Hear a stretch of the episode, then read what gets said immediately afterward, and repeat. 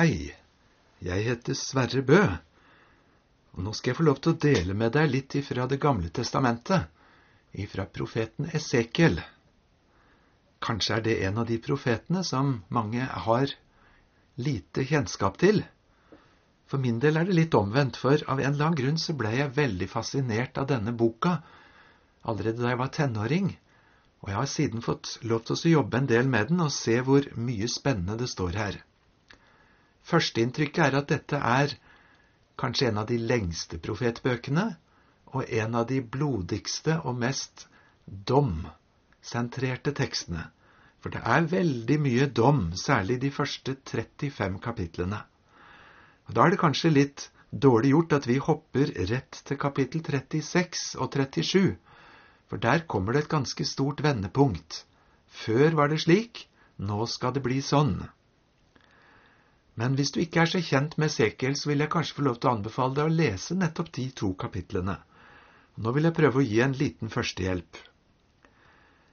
Esekiel 36 begynner med at før var det slik at alle de nabofolkene til Israel, de spottet dem og sa, det har gått dårlig med dem.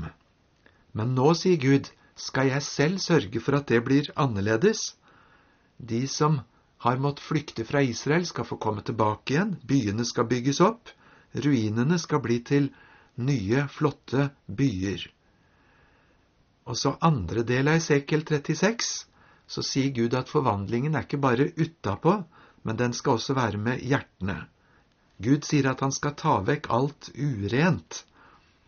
Og da skal han gjøre det så grundig at han til og med tar steinhjertet ut av kroppen deres og så transplanterer han inn et helt nytt hjerte, et levende hjerte av kjøtt. Ut med steinhjertet, inn med det nye kjøtthjertet. Og så sier Gud at 'jeg gir min ånd inni dere', og jeg gjør sånn at dere følger forskriftene. Og da skal Gud sørge for at det blir fruktbarhet også i landet. Og i Esekiel 37 så hører vi hvordan Israel kan se ut som et dødt landskap med bare rester av skjeletter, altså mennesker som er drept i krigen, i tusenvis. Men Gud sier, 'Jeg skal snu alt dette og reversere det'. Og på merkelig måte så får Esekiel i et syn se at skjelettrestene legger seg sammen til komplette mennesker, og at det kommer kjøtt og hud og at det kommer livskraft tilbake i det som bare var uttørkede skjelettrester. Og så sier Gud, sånn skal jeg gjøre med Israel. Det som ser ut bare som tørre knokler, skal bli et levende, stort folk. Gud skal sørge for det. Da har vi altså bladd fra 36 til 37 hos Esekiel. Gud lover til og med at han skal åpne opp gravene til Israel. Det står i 37,12 og så lar jeg dere stige opp av graven, så fører jeg dere til Israels land. Siste del av Esekiel 37 forteller at Esekiel skulle lage to kjepper. På den ene skulle det stå Efraim, eller Israel, og på den andre skulle det stå Juda.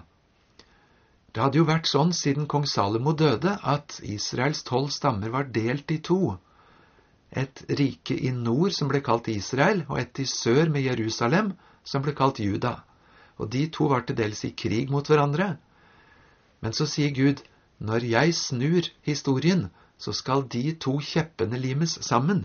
Så skal det ikke være to kongeriker, men ett. Og så lover han at da skal det være én konge av David, min tjener David. Da forstår vi at dette er en Messias-profeti.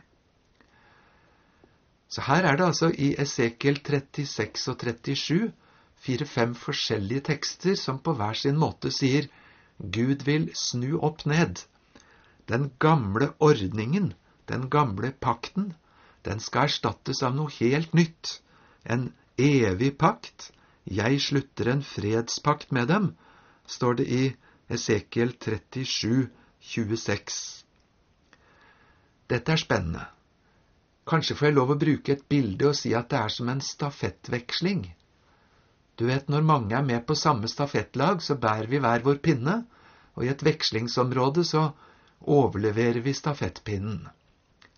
Kanskje går det an å bruke bildet og si Gamle testamentet er en type stafettpinne som Gud satte i gang.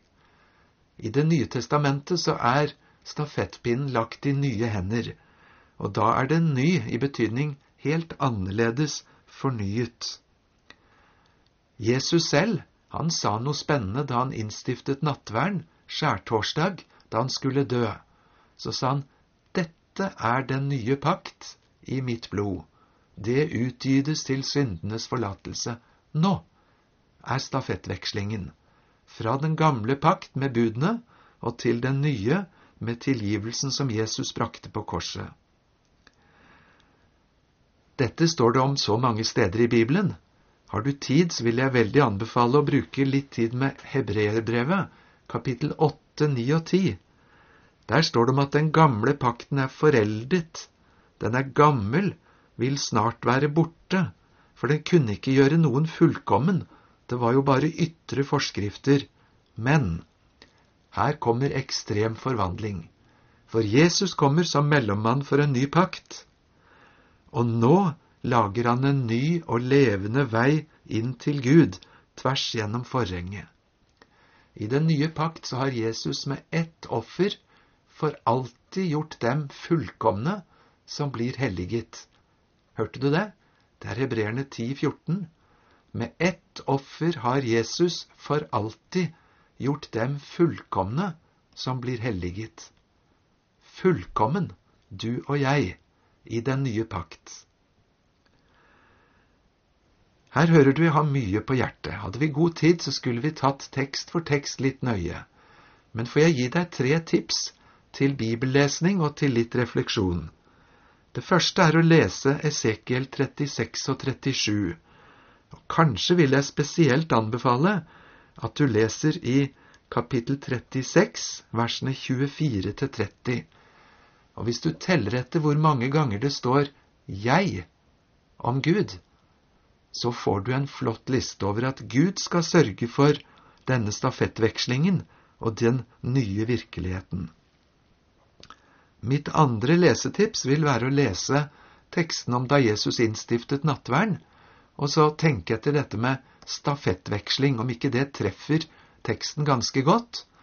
Du kan finne det midt i første Korinterbrev 11, eller både i Matteus 26, Markus 15 eller i Lukas 22, og altså første Korinterbrev 11. Et tredje tips er altså å lese i Hebreerbrevet, kapittel 8, 9 og 10. Det høres mye ut, men du leser det på fem-seks minutter hvis du bare leser tvers igjennom. Og tenk på begrepet ekstrem forvandling. Poenget med alt dette er å si 1000 sider Gamletestamentet forteller om første stafettetappen. 350 Nytestamentesider forteller om neste etappe. Og det er altså Bibelen selv som kaller det gammel og ny pakt. Nå skal du og jeg få leve i den nye pakten, der Gud selv sørger for denne ekstreme forvandlingen. Og Hebreerne 10,14 en gang til. Med ett offer har han for alltid gjort dem fullkomne, som blir helliget. Gjør som på søndagsskolen, sett ditt eget navn inn. Hvis jeg gjør det, så lyder det med ett offer har Jesus for alltid gjort Sverre fullkommen. Fullkommen, hvem andre mener det om deg og meg enn Gud? Men hvis han mener det, hvem andre har noe med det? Ha det fint og ha Guds velsignelse over bibellesning.